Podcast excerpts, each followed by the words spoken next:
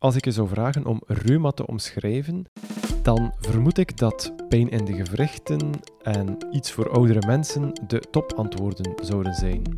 Wel, dat klopt niet helemaal. Reuma treft alle leeftijden en is eigenlijk een verzameling van tientallen aandoeningen die zowel gewrichten, spieren, pezen en zelfs organen kunnen aantasten. Reumatoloog Anne-Sophie de Kramer van het UZ Gent vertelt ons in deze podcast meer over oorzaken, gevolgen, misverstanden en behandelingen van reuma. Dag Anne-Sophie. Dag Kim. Laten we bij het begin beginnen. Uh, wat is reuma eigenlijk? Reuma is eigenlijk een verzamelnaam voor heel veel verschillende aandoeningen.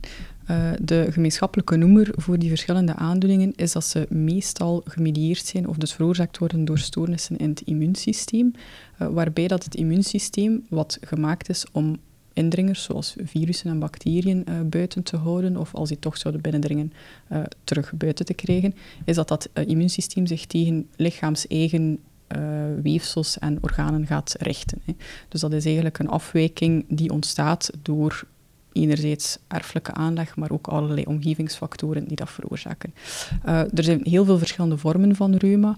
De meest courante vormen van reuma, of waarbij mensen aan denken uh, als ze de term reuma horen, is gewrichtsklachten, nee, gewrichtsaandoeningen. Dat is één grote groep van ziekten die wij behandelen, maar er zijn ook heel veel andere ziekten die ook onder de categorie of onder de noemer reuma vallen, omdat ze immuungemedieerd zijn, maar die heel verschillende organen naast die gewrichten ook kunnen aantasten. Dus globaal maken we de grote opdeling enerzijds gewrichtsaandoeningen en anderzijds, wij noemen dat systeempathologie, uh, die uh, allerlei organen zoals hart en longen, nieren enzovoort ook kan aantasten. We, we, we kennen het beeld denk ik van reuma van gewrichtspijn. Is het vooral op die manier dat reuma zich uit, of zijn er nog andere manieren waarop reuma zich uit bij een patiënt? Gewrichtspijn is de meest courante en de meest gehoorde klacht van mensen die de eerste keer bij ons komen. Uh, uiteraard is niet alle gewrichtspijn uh, is, wordt niet allemaal veroorzaakt door reuma, um, maar gewrichtspijn, zwelling, stramheid, uh, dat gaat daarmee gepaard, is meestal wel betrokken in het ziektebeeld. maar zoals gezegd, eh, dus, um, er kan ook via andere kanalen komen mensen soms ook bij ons terecht, die bij de uh, huidspecialist gaan, die bij de longspecialist gaan, waarbij dat er een probleem wordt vastgesteld. En als we dan heel erg diep graven, dat dat uiteindelijk ook wordt terugherleid tot een uh, reumaziekte, dus een uh, ontstekingsziekte die veroorzaakt wordt door een stoornis in het eigen immuunsysteem. Dus meest courant inderdaad door gewrichtsklachten, maar kan ook zeker via andere kanalen, dus andere symptomen, um, komen mensen bij ons terecht. Straks nog meer over het ontstaan van reuma, uh, maar nog, eens naar, naar, nog even over de symptomen. Uh, hoe beïnvloedt reuma de levenskwaliteit van, van een patiënt? Inderdaad, uh, zeer belangrijke vraag. Als mensen uh, een diagnose krijgen van reuma, is dat vaak omwille van gewrichtsklachten. Eh. dus dat is niet alleen een aandoening dat veroorzaakt dat veroorzaakt ongemak. Um, dat kan op termijn ook, als dat lang blijft bestaan, ook echt gewrichtsschade veroorzaken die onomkeerbaar is. Uh, dus dat trachten we ten allen tijde te vermijden. Uh, nu, door die symptomen, die dus vaak gewrichtsgerelateerd zijn, maar ook op andere vlakken zich kunnen uiten, uh, dat kan op alle leeftijden voorkomen, daar gaan we het straks ook nog eventjes over hebben. Um, kan zich dat op heel veel verschillende domeinen in het leven um, een impact hebben. He. Dus dat is niet alleen de ziekte zelf, die vaak behandeld wordt met medicatie, uh, maar mensen zijn ook aan het werk bijvoorbeeld. Dus uh, mensen stellen zich de vraag, ja, het werk dat ik doe, soms is dat fysiek belastend werk, soms niet. zowel heel erg fysiek belastende taken als mensen die een job hebben die hele dagen moeten zitten. Dat is ook niet altijd ideaal. Dus dat kan zeker soms nodig zijn om, om het werk aan te passen of werk van werk te veranderen. Um, dat is één zaak. Uh, gezinsleven. Um, als het voorkomt bij jonge mensen, zijn er soms vragen over toekomstige, bijvoorbeeld zwangerschap als het gaat over vrouwen, maar ook voor mannen is dat uiteraard relevant. Um, die stellen zich de vraag, ook over vrije tijd, sporten, welke sporten kan ik nog doen? Um, ik doe dit of dat graag van sport, is dat nog mogelijk, mag dat nog, kan dat nog? Um, dus op heel veel verschillende domeinen kan dat zeker een impact hebben op de mensen. en dat zijn heel veel vragen die inderdaad bij een nieuwe diagnose van reuma aan de orde zijn. Denken bij het horen van reuma inderdaad vaak vanzelf aan oudere mensen, maar dat beeld klopt dus niet. Nee, dat is zeker niet zo. Uh, wij zien eigenlijk uh, mensen van alle leeftijden. Dus van kinderreuma bestaat ook. dus, maar wij hier op de dienst doen volwassen reumatologie. Dus dat start aan 18 jaar. Um, maar, en dat gaat tot 90 plus. Hè. Dus er zijn bepaalde vormen van reuma die zelfs specifiek bij jongere patiëntengroepen voorkomen. Van 20 tot 40, laten we zeggen. Dan andere vormen die meer bij de oudere populatie, dus 50, 60ers, voorkomen. Uh, maar we zien mensen van alle leeftijden. Dus het is zeker niet zo. En dat is ook een beetje een probleem tegelijkertijd, omdat er inderdaad niet altijd aan reuma wordt gedacht als het over iets jongere, jongere mensen gaat. Bij bepaalde problemen, uh, gewrichtsklachten, rugklachten, uh, wordt dat al dikwijls een keer gestoken op uh, hebt u wat overbelast of hebt te veel gesport of allerlei redenen. Um, maar er wordt niet aan reuma gedacht en dan komen mensen soms jammer genoeg een beetje te laat bij de juiste persoon of de juiste arts terecht. Um, dus daar is zeker nog werk, ook voor ons, om het wat meer bekend te maken bij um, alle artsen, huisartsen of ook bijvoorbeeld kinesisten, andere mensen in de gezondheidszorg, bij wie dat mensen terechtkomen met klachten. Um, om daar toch, dat daar toch een belletje gaat rinkelen van oei, dat is hier toch niet normaal. Misschien moet je eens uh, bij de reumatoloog langs gaan. verschilt het type reuma of de manier waarop reuma zich uit bij jonge mensen tegenover oudere mensen? Afhankelijk van de vorm van reuma. Dus uh, bepaalde uh, vormen van reuma komen echt specifiek voor of ontstaan alleszins enkel op jonge leeftijd. Dus een keer dat mensen een bepaalde leeftijd gepasseerd zijn, uh, kunnen we bepaalde reumavormen eigenlijk al uitsluiten, gewoon omdat ze niet meer de leeftijd ervoor hebben. Uh, in de omgekeerde richting gaat dat ook zo. Hè. Dus um, bijvoorbeeld een spondyloartritis is typisch iets voor jonge mensen. Uh, dus de ziekte van Bechterew, waar ik over sprak, is typisch iets dat ontstaat tussen de 20 en de 40 qua leeftijd. Terwijl de andere grote groep van uh, de diagnose reumatoïde artritis, dus wat we ook heel veel zien, uh, is typisch iets dat eerder op oudere leeftijd voorkomt, maar ook zeker niet uitgesloten uh, bij jonge mensen. Dus ook kan zeker ook in de 20, 30 jaren al ontstaan, maar de piek zien we daar toch meer rond de 50, 60 jaar ontstaan. Dus um, verschilt het bij jong en oud. Um, het type reuma verschilt bij jonge mensen en oudere mensen. Dus wij als wij uh, uh, patiënten zien, eh, dat nemen wij mee in wat kan het hier zijn, is puur de leeftijd waarop het probleem ontstaat. is zeker relevant, ja. Heb je er een idee van hoeveel mensen aan reuma lijden? Reuma is zeker een zeer courante aandoening in de bevolking. Dus we kunnen een aantal cijfers aanhalen van de meest courante reumavormen die we zien. Bijvoorbeeld spondyloartritis is een vorm van reuma die dus vooral bij jonge mensen ontstaat. En dat is 1 à 2 procent van de bevolking leidt aan spondyloartritis. Reumatoïde artritis is dan eerder iets dat op oudere leeftijd ontstaat, maar zeker ook niet onmogelijk op jongere leeftijd. Uh, dus dat is vanaf de 50, 60er jaren. En dat komt toch ook wel bij 2 tot 3 procent uh, van de bevolking voor. Uh, nu, de leeftijd van ontstaan is dus voor ons iets zeer belangrijk om onderscheid te maken tussen bepaalde reumavormen, over welke vorm van reuma het gaat. maar natuurlijk als het op jonge leeftijd ontstaat. En mensen worden ook uh, ouder, gelukkig. um, dat is uh, zeker zo. Uh, dus allee, het komt, neemt alsmaar toe en dat lees je soms ook in, in de courante media. Hey. Dus de aantal vormen van reuma of mensen met, die met een reumaziekte vastgesteld worden, neemt alsmaar toe. Dus daarom dat ons beroepsgroep ook een beetje een knelpuntberoep is ten andere. Um, want we hebben zeker werk genoeg. Dus het is, er is geen dalende trend, er is eerder een stijgende trend. Is daar een verklaring voor, voor die stijgende trend? Dat is zeker niet eenduidig. Ik denk dat we nu meer alert zijn erop, meer attent zijn erop en ook betere middelen hebben om de diagnose vroeger te stellen.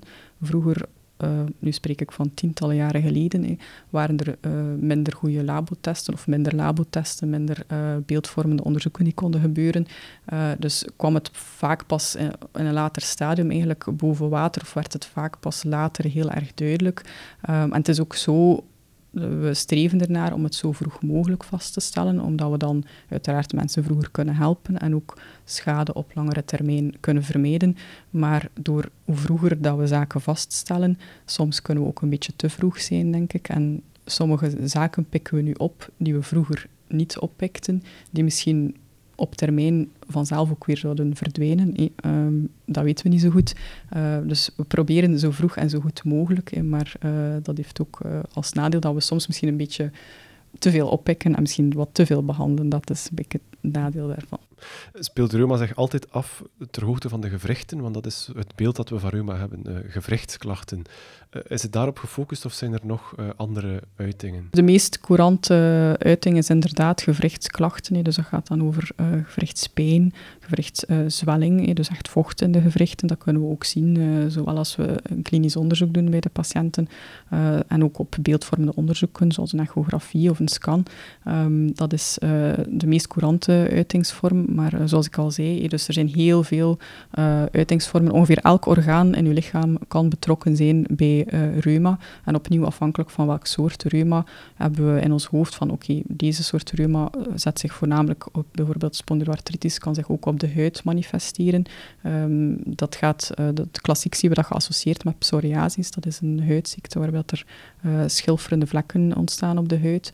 Um, we zien ook vaak um, mensen met spondyloartritis die ziekte van Crohn hebben. Dat is een darmontstekingsziekte. Dat zit een beetje in dezelfde uh, sfeer. Dus de onderliggende mechanismen, dus immuunmechanismen, zijn daar overlappend. Eh, maar de uitingsvorm kan gewrichten zijn, maar kan dus ook huid of darm zijn bijvoorbeeld.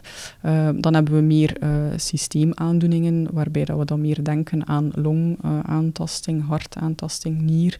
dus afhankelijk over welke diagnose dat we het hebben, um, focussen we ons meer op bepaalde uh, orgaansystemen. Hè. Het is daarom ook dat we heel nauw samenwerken met andere disciplines, dus andere specialisten. als reumatoloog uh, proberen wij een beetje het overzicht te bewaren van welke systemen zijn er allemaal betrokken bij een bepaalde reumaziekte. Um, sturen wij vaak ook door, omdat wij natuurlijk ook niet de expertise hebben over alle organen en ook niet alle technische, technische onderzoeken kunnen doen uh, om alle organen te bekijken. Dus daarom sturen wij vaak ook door naar andere specialiteiten en overleggen we ook heel nauw met andere specialiteiten. Um, elk zijn uh, expertise uiteraard.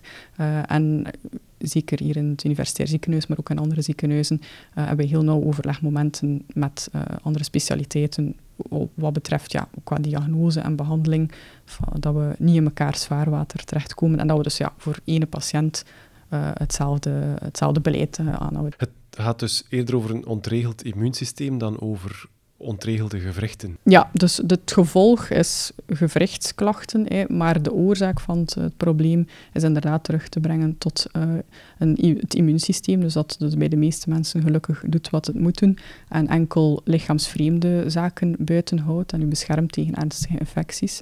Maar als dat dus uh, ontregeld raakt, dan uh, heb je een overactief, overactiviteit van het immuunsysteem, wat zich vaak uit dus in gewrichtsontsteking. Hè. Dus uh, dat immuunsysteem kan dat ook echt we doen dat in onderzoek, hè, uh, maar ook in, in courante onderzoeken in het, bij een bloedafname of zo, of bij een scan kunnen we ook echt zien van oké, daar zit er ontsteking. Um, dus dat ook dat we onder andere volgen uh, als we de mensen behandelen, om te kijken van kunnen we die ontsteking onder controle houden of brengen. Ja, dan ja. Hoe raakt dat immuunsysteem in, in de war? De exacte trigger is zeer moeilijk te achterhalen bij uh, een individuele patiënt. Eh. Globaal genomen, voor de meeste vormen van reuma is het zo dat er een bepaalde erfelijke aanleg is, dus waar je mee geboren wordt. Uh, bij de ene vorm van reuma is die erfelijke factor sterker doorwegend dan bij de andere.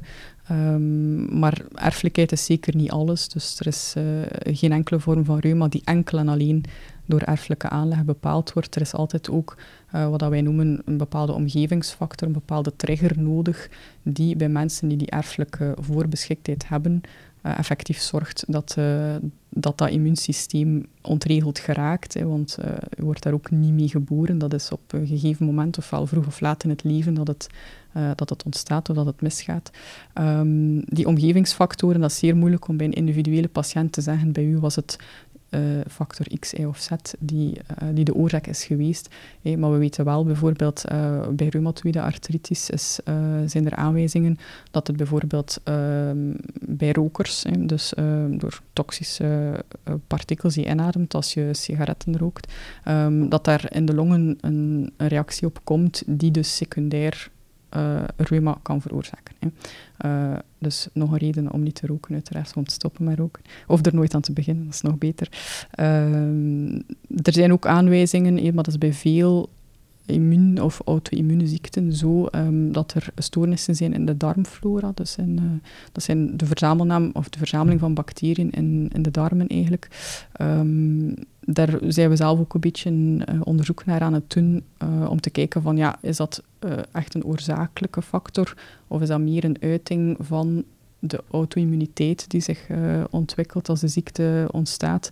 Um, dus dat is zeker ook een veld van verder onderzoek. Maar opnieuw kunnen we daar ook niet zeggen. Het is heel zelden een keer dat we weten van oké, okay, je hebt bijvoorbeeld een infectie gehad bijvoorbeeld in de darmen um, of een uh, infectie van de blaas of de plasbuis, dat dat echt de trigger is geweest voor reuma. Dat komt ook voor, maar dat is zelden dat we dat zo duidelijk kunnen zeggen of zien bij een patiënt. Maar dat, dat is zeker, zeker uh, belangrijk. Dus infecties, um, zaken zoals uh, roken, um, luchtvervuiling, et cetera, dat wordt ook uh, wel een keer aangehaald.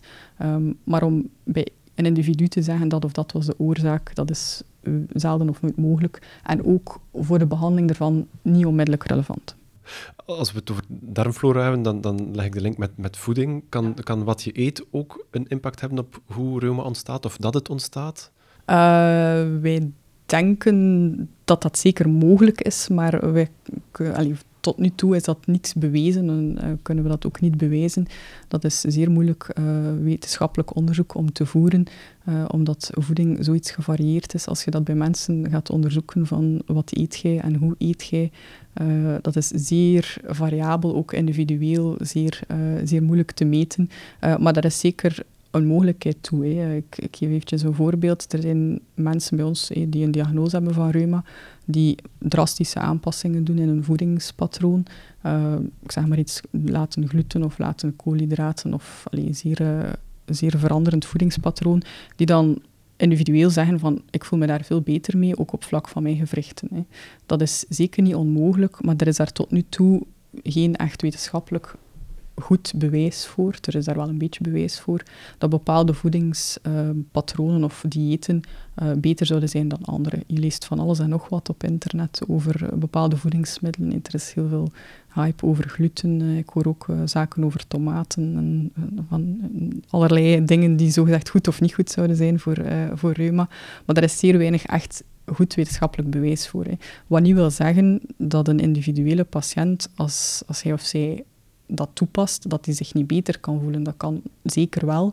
En wij denken ook dat dat zeker een rol kan spelen uh, die om, om door die bijvoorbeeld dieetaanpassingen, maar je kunt dat ook op andere manieren doen, die darmflora aan te passen of, of te veranderen, um, om zodoende op je immuunsysteem um, een gunstige impact te hebben. We zijn daar ook onderzoek naar aan het doen, maar dat is uh, zeker niet gemakkelijk, uh, geen gemakkelijk onderzoek.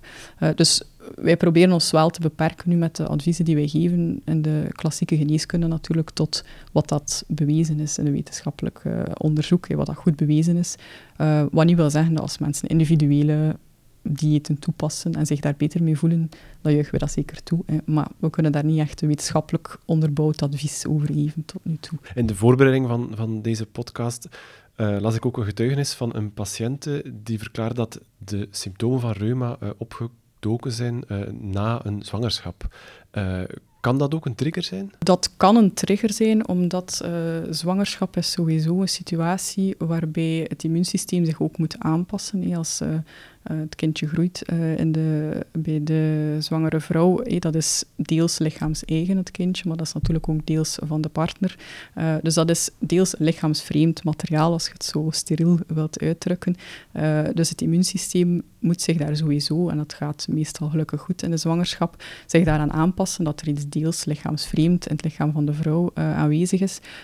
Maar dat kan natuurlijk, eh, een keer dat de, bevalling, de zwangerschap en de bevalling gepasseerd zijn, dat die omschakeling terug naar het normale niveau, zal ik het maar noemen, uh, dat daar inderdaad iets misgaat en dat dat een trigger kan zijn.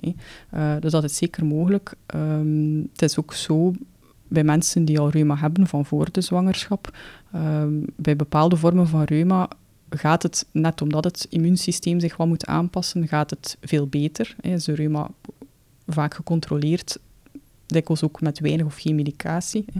Uh, maar opnieuw, de periode na de zwangerschap, als de situatie terug naar de voorafbestaande situatie moet gaan. Ehm, soms gaat het dan, zien we dan wel een opflakkering van, uh, van klachten of van problemen. Uh, we weten dat op voorhand dat dat een risicoperiode is, dus dan hebben we ook meer aandacht daarvoor natuurlijk bij, bij zwangere vrouwen, dat we nadien uh, ze toch goed opvolgen en zaken die misgaan tijdig kunnen opvangen. Wat is er eerst, de reuma of de slijtage van de gewrichten? Kan, kunnen zwakkere gewrichten ook de, de, de trigger opnieuw zijn van, van reuma? Dat is opnieuw afhankelijk van het type reuma. Als we bij de klassieke reumaziekten is uh, slijtage van gewrichten of schade is meestal het gevolg uh, van gewrichtsontsteking. Dus het begint met een, een gewrichtsontsteking, echt, actieve ontsteking.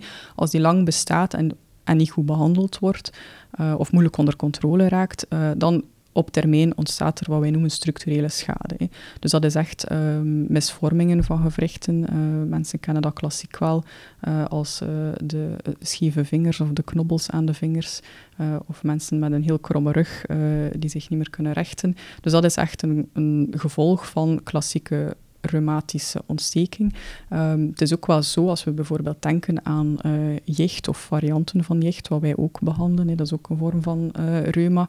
Um, zijn, als er als gewrichtschade is door eender welke oorzaak, dat kan door ouderdom zijn of door een, door een ongeval of, of ooit een keer een breuk of zo gehad aan een gewricht, die gewrichten zijn dan meer gevoeliger voor opstoten van echt een ontstekingsreuma. Dus het gaat in twee richtingen, maar bij een klassieke ontstekingsreuma is er eerst ontsteking en dan het structurele gevolg of de structurele schade in plaats van omgekeerd. Hè.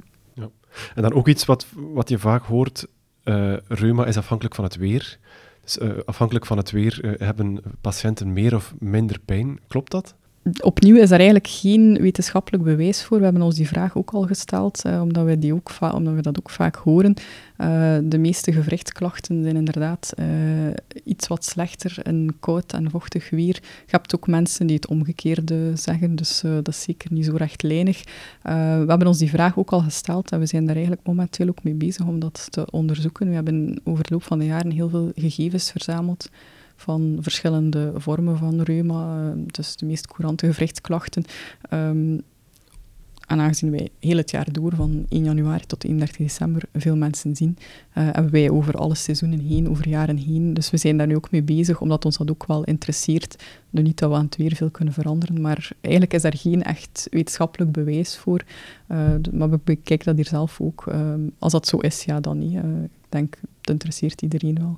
Hoe ziet het verloop van, van reuma eruit? Tussen het, het, het, vaststellen, vermoedelijk aan de hand van, van gewrichtsklachten, worden die alsmaar erger? Blijft het constant of kan het zelfs verbeteren? In het ideale scenario, uh, als mensen een diagnose krijgen, hebben ze meestal veel klachten. Dus daarom dat ze naar de dokter gaan natuurlijk. En, uh, en in het ideale geval ook snel naar een specialist verwezen worden. Uh, en als de behandeling ingesteld wordt, de bedoeling van de behandelingen die we geven, is dat mensen er eigenlijk geen klachten van hebben of geen gevolgen van hebben. Dat is de bedoeling. De, de praktijk is soms iets anders. Um, laat ons zeggen dat we bij 8 à 9 op de 10 van de mensen de ziekte en de symptomen eigenlijk zeer goed onder controle kunnen krijgen. Op voorwaarde uiteraard dat ze hier uh, op tijd bij de juiste persoon terechtkomen en de juiste behandeling krijgen. Bij een minderheid van de mensen is het een wat moeilijker verhaal. En ondanks het feit dat we eigenlijk wel goede behandelingen hebben de dag van vandaag, kan dat toch echt met met opstoten gaan. Hè. Dus dat gaat sowieso een beetje met ups en downs. Uh, er zijn slechtere periodes en betere periodes. Uh, dan moeten we, bij sommige mensen moeten we heel vaak de medicatie aanpassen om toch een zo goed mogelijke oplossing trachten te vinden. Uh, maar laat ons zeggen dat bij het gros, grote meerderheid van de mensen bestaat er zeker een bepaalde vorm van medicatie die de symptomen en de klachten mooi onder controle houdt en die ook vermijdt dat er dus structurele schade op termijn ontstaat. Hè. Dus um, de bedoeling bij iedereen is om uh, zo weinig mogelijk gevolgen daarvan te ondervinden in je dagelijks leven. Dus zowel op vlak van klachten, maar dat je ook alles kunt doen wat je wilt doen uh, als job en je vrije tijd enzovoort. Um, maar dat lukt ons niet bij iedereen, ondanks dat we ons best doen. Hè.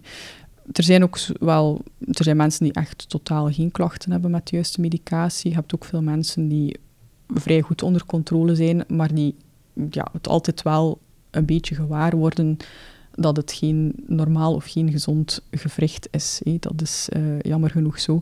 En door dat laatste beetje kunnen we er ook niet altijd uh, van afkrijgen. Uh, maar laten we zeggen dat het zeker niet zo is. Dat willen we ten alle prijzen vermijden.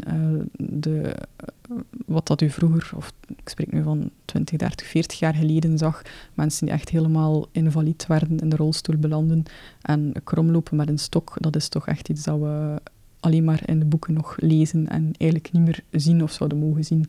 Uh, hier in België met alle mogelijkheden die we hebben en alle uh, heel goede specialisten die er zijn. Dus uh, ja. dat doembeeld mogen we eventjes vergeten. Patiënten ervaren soms ook dat hun symptomen op en neer gaan. De ene week veel meer klachten, de andere week minder.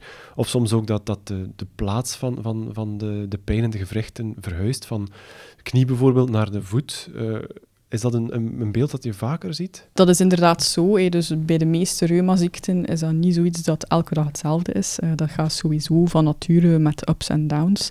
Um, de behandeling die we geven werkt normaal gezien of hopelijk wel uh, elke dag. Maar zoals ik zei, onderliggend kan dat sowieso wel een beetje blijven sluimeren, dat mensen dat toch altijd een beetje voelen. Um, klassieke reumaziekten, zoals bijvoorbeeld reumatoïde artritis, zit meestal op handen en voeten, maar kan ook eigenlijk virtueel elk gewricht, en je hebt er heel veel in je lichaam, kan uh, betrokken zijn bij die aandoeningen. Afhankelijk van welke reumaziekte dat we spreken, um, zijn sommige die meer de kleine gewrichtjes, daarmee bedoelen we de vingers en de tenen, en, dus de handen en de voeten. En andere uh, ziekten, zoals spondylartritis, zit eerder op grotere gewrichten. Dus dat gaat dan over een heup of een knie of een, een schouder, een pols. Um, uh, maar eigenlijk virtueel alle gewrichten, um, dus mensen met reuma weten zeer goed waar er, waar er overal gewrichten zitten, uh, kunnen betrokken zijn uh, bij dat proces. En dat kan zeker ook verspringen. Bij sommige mensen is dat altijd dezelfde knie bij anderen kan dat zeer erg verspringen van, uh, van locatie. Zijn er naast die gewrichtsklachten nog andere uh, complicaties of, of risico's uh, die gepaard gaan met de reuma en waar patiënten zich bewust van moeten zijn? Misschien complicaties of, of risico's waar je niet meteen aan denkt als, als reuma-patiënt? Als we spreken over uh, de reumaziekten zelf, dus zoals ik al zei, er kunnen heel veel orgaansystemen bij betrokken zijn. Dus uh, dat zijn zaken die de arts uiteraard moet opvolgen en, en bekijken. Um, wat dat denk ik een aantal belangrijke aandachtspunten zijn, vooral door de behandeling die we geven, omdat die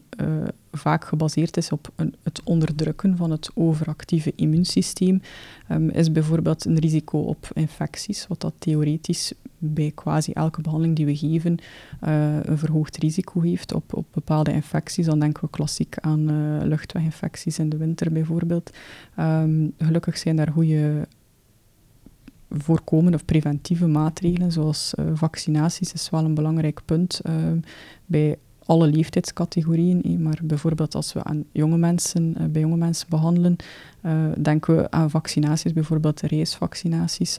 jonge mensen gaan al een keer graag op reis, soms is dat ook naar de tropen en zijn er bepaalde vaccinaties nodig waar, waar dat we er moeten aan denken dat we vooraleer dat we bepaalde medicatie opstarten die het immuunsysteem onderdrukt, dat we dan een keer de vaccinatiestatus helemaal overlopen en op punt stellen, omdat het niet altijd mogelijk is onder bepaalde reumabehandelingen om alle vaccins te kunnen krijgen.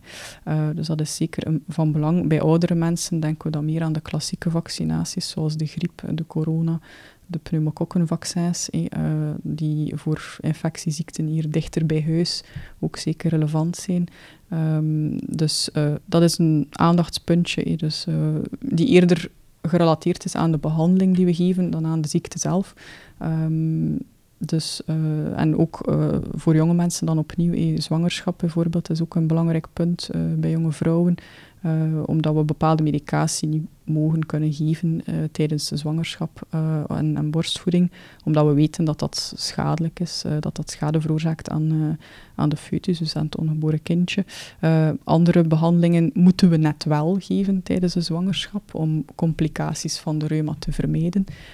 dus dat is zeker ook iets met, met alle jonge dames dat we hier bespreken, vooraleer dat we een behandeling opstarten, want is er nog een zwangerschapswens in de nabije of iets verdere toekomst.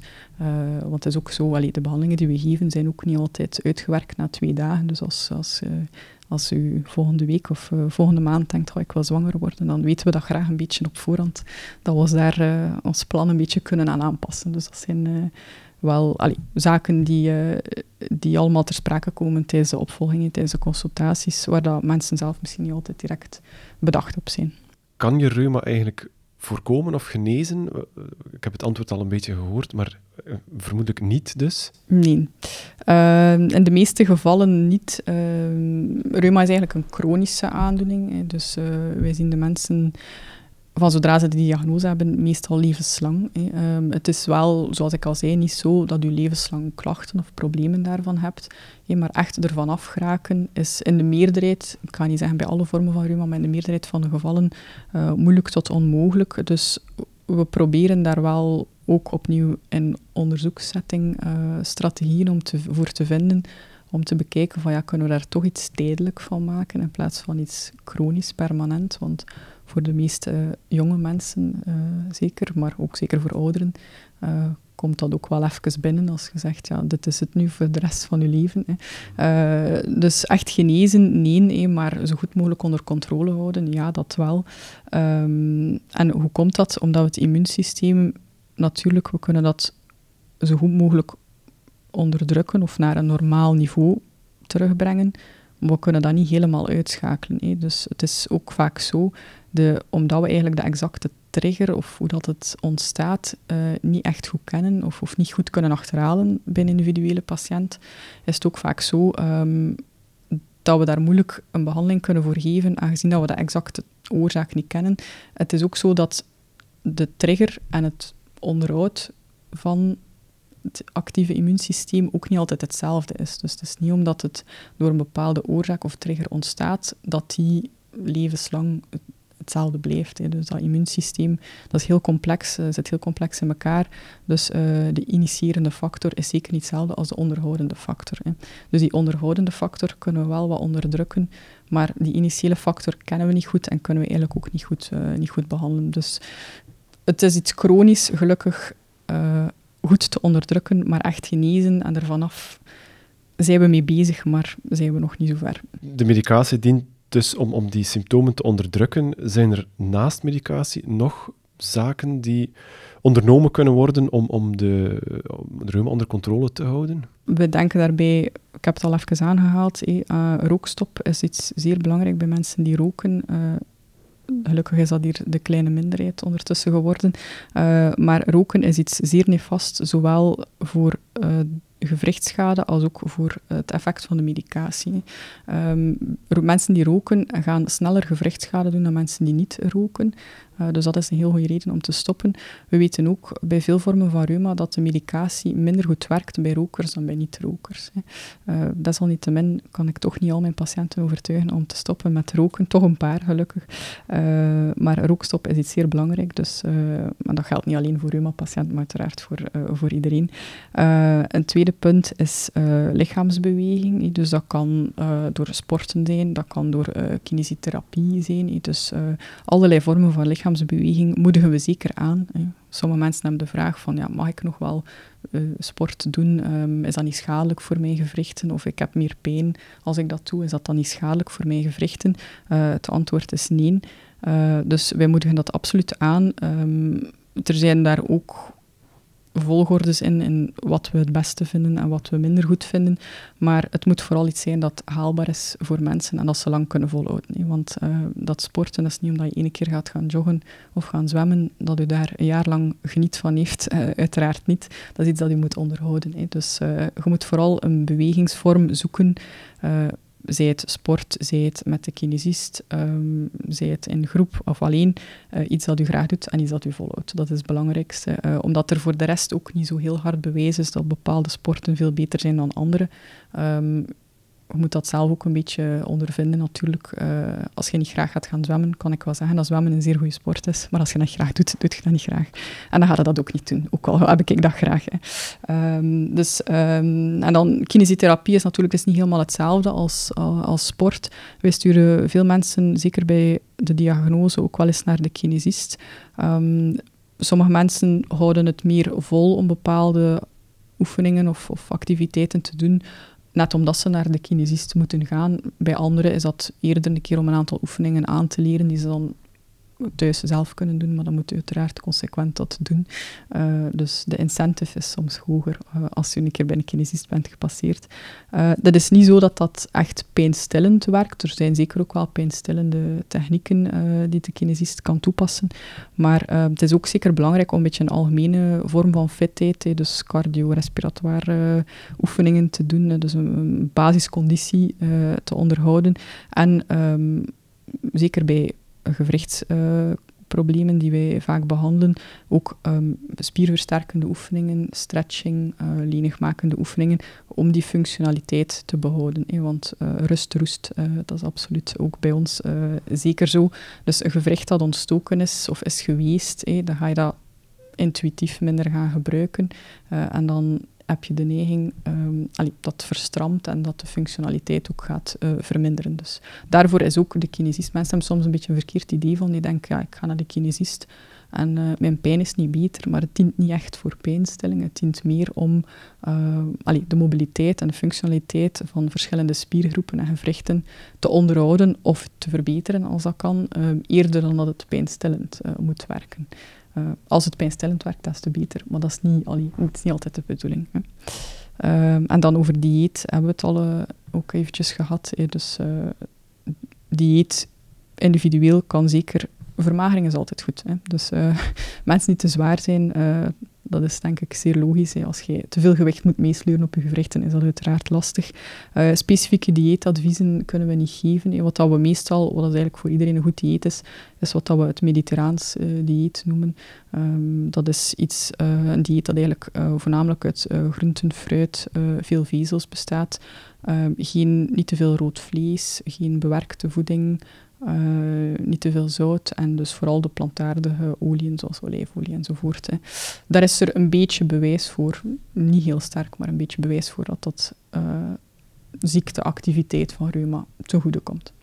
Over het ontdekken van reuma hebben we het nog niet uh, uitgebreid gehad. Hoe ontdekt iemand dat hij of zij reuma heeft? Dan denk ik vooral aan die, aan jongere patiënten, want het is, ik vermoed, zelden het eerste waar je aan denkt, aan reuma.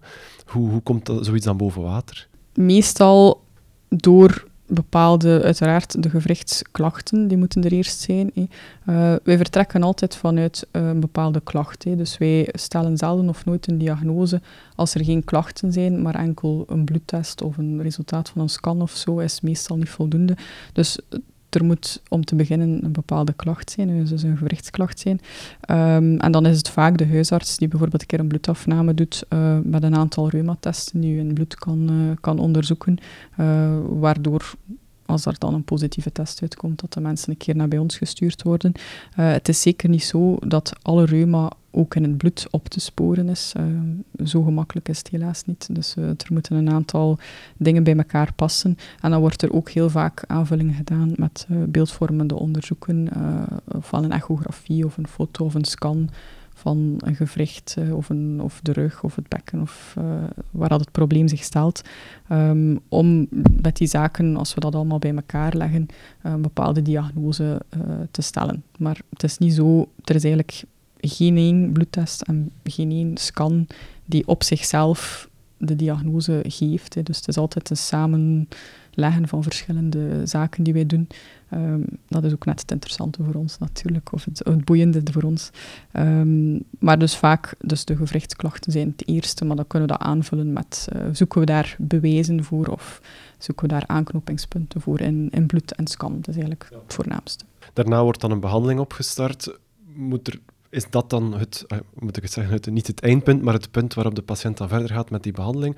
Of worden er, moeten er nog jaarlijks, tweejaarlijks, een bepaalde uh, periode uh, nieuwe tests gedaan worden om, om bepaalde misschien factoren te monitoren? Dat is ook opnieuw zeer afhankelijk van het type reuma. Dus uh, bij klassieke gewrichtsreuma doen we wel een keer, ehm, volgen voornamelijk bloedresultaten op, omdat de meeste vormen van gewrichtsreuma toch wel ook echt ontsteking in het bloed geven. Um, en dat kunnen we opvolgen overheen de tijd om te kijken, ja, is dat allemaal mooi onderdrukt of is er toch nog iets sluimerend? We doen heel vaak ook bloedonderzoek, vooral om bepaalde bijwerkingen van medicatie tijdig op te sporen. Uh, want helaas, alle medicatie meestal is goed, maar heeft ook bijwerkingen. Uh, dus dan moeten we, afhankelijk van welke medicatie dat we gebruiken, dus heel courant of om de drie maanden, om de zes maanden of jaarlijks, um, in een bloedonderzoek bepaalde zaken uh, bekijken om te, bijvoorbeeld lever uh, testen, nierfunctie, bloedcellen, om te kijken als dat allemaal goed verdragen wordt. Um, dus dat is één zaak. Bij bepaalde dan denk ik meer aan de systeemziekten, dus de meer, zeldzamere auto-immuunziekten, uh, weten we uit ervaring dat dat gepaard kan gaan met bepaalde complicaties op longen en nieren. Dus doen we ook courant bijvoorbeeld een urineonderzoek um, elke drie maanden, elke zes maanden, afhankelijk van. Of uh, onderzoek van de longen. Uh, dat doen we bijvoorbeeld met een, met een foto of een scan of een blaastest.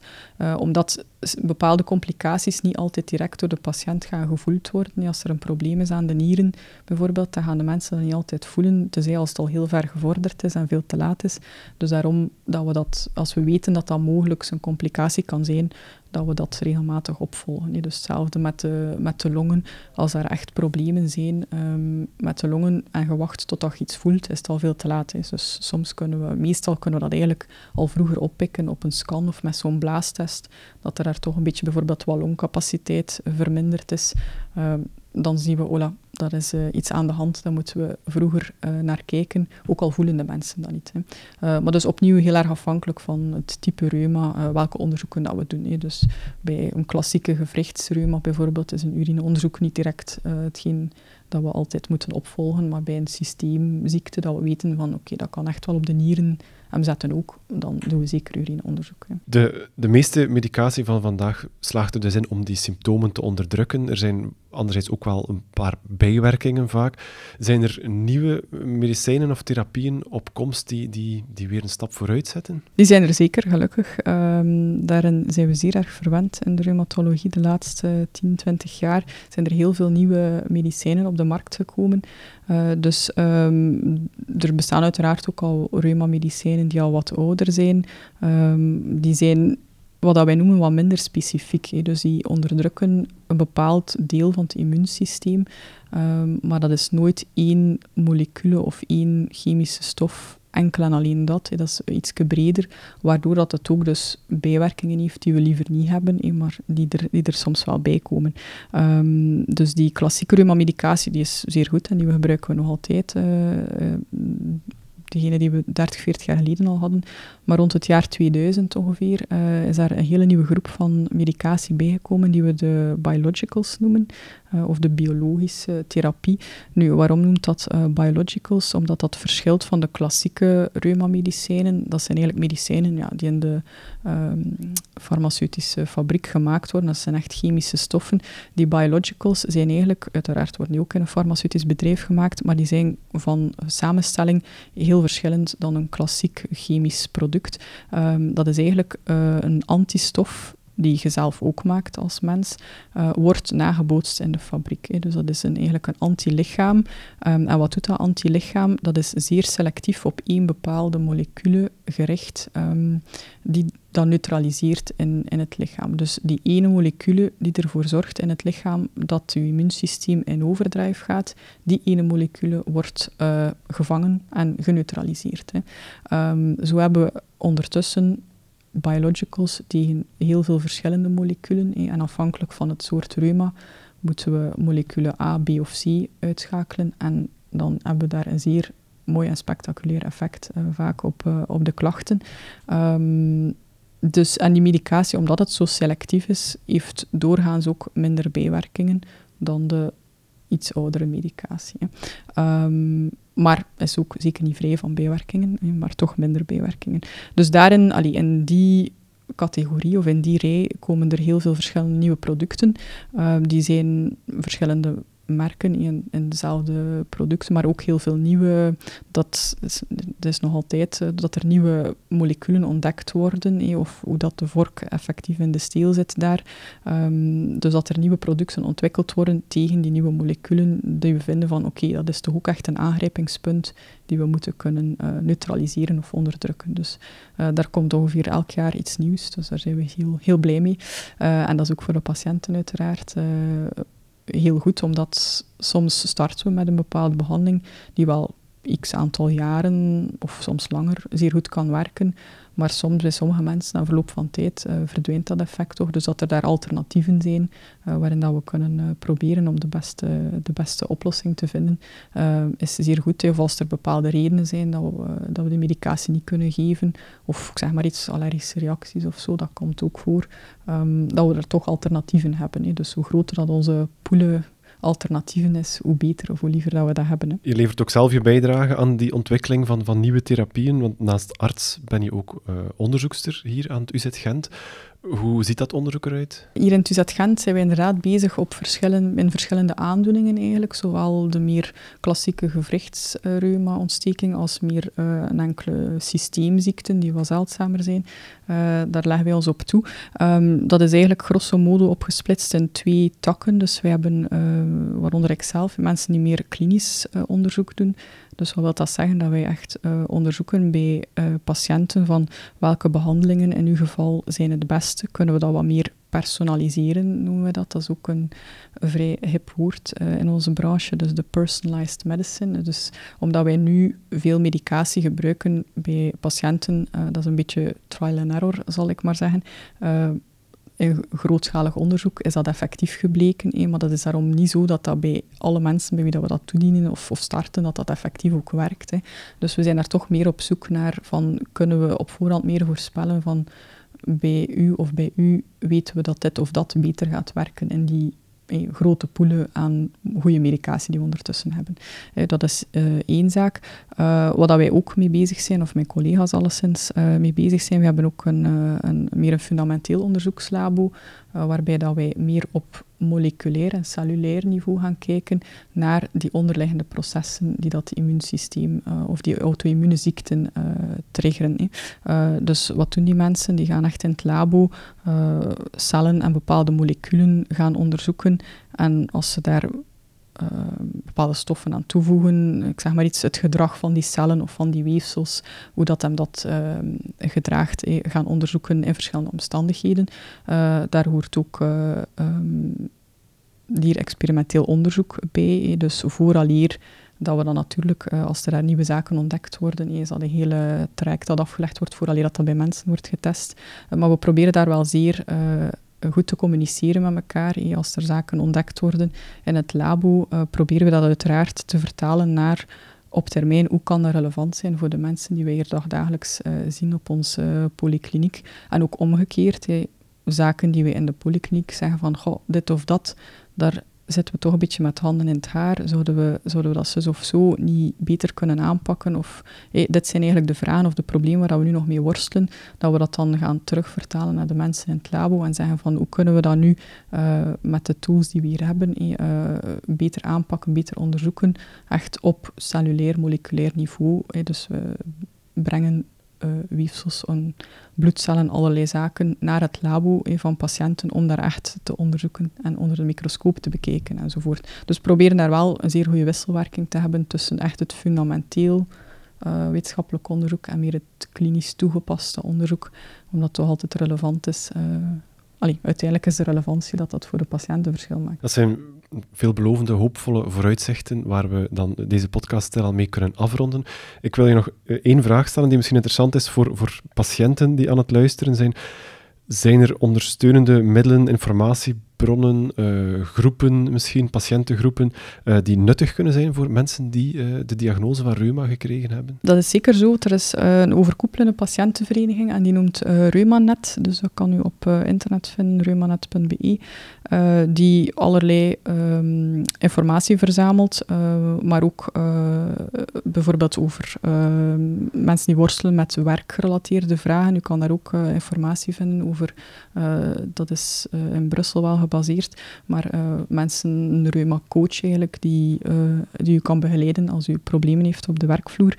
Um, en dan voor specifiek individuele ziekten zijn er ook patiëntengroepen van enkel patiënten met bijvoorbeeld spondyloartritis, reumatoïde artritis, um, lupus. We hebben het er niet over gehad, maar dat is ook in onze dat is ook reuma, dus dat valt ook onder onze branche. Dus specifiek voor enkel die patiëntengroepen, die zijn ook actief op Facebook uh, over het algemeen. Maar dat kan u ook op de website van ReumaNet uh, uh, links vinden naar de verschillende individuele ziektepatiëntengroepen, uh, zal ik maar zeggen. Ook op onze website um, kan u van de meest courante aandoeningen ook wat korte informatie lezen of uh, onderzoeken uh, die wij doen, dus technische onderzoeken die wij doen, maar ook het wetenschappelijk onderzoek waar we mee bezig zijn, kan u ook op de website van het UZ Gent Rheumatologie terugvinden. Oké, dan wil ik je heel hard bedanken voor het zeer boeiende gesprek. Graag gedaan.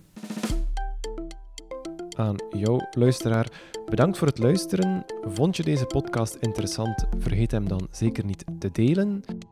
Op onze website www.eoswetenschap.eu podcast vind je nog meer afleveringen van deze podcast. En terwijl je daar toch bent, kan je je ook inschrijven voor onze gratis nieuwsbrief die je op de hoogte houdt van nieuwe afleveringen.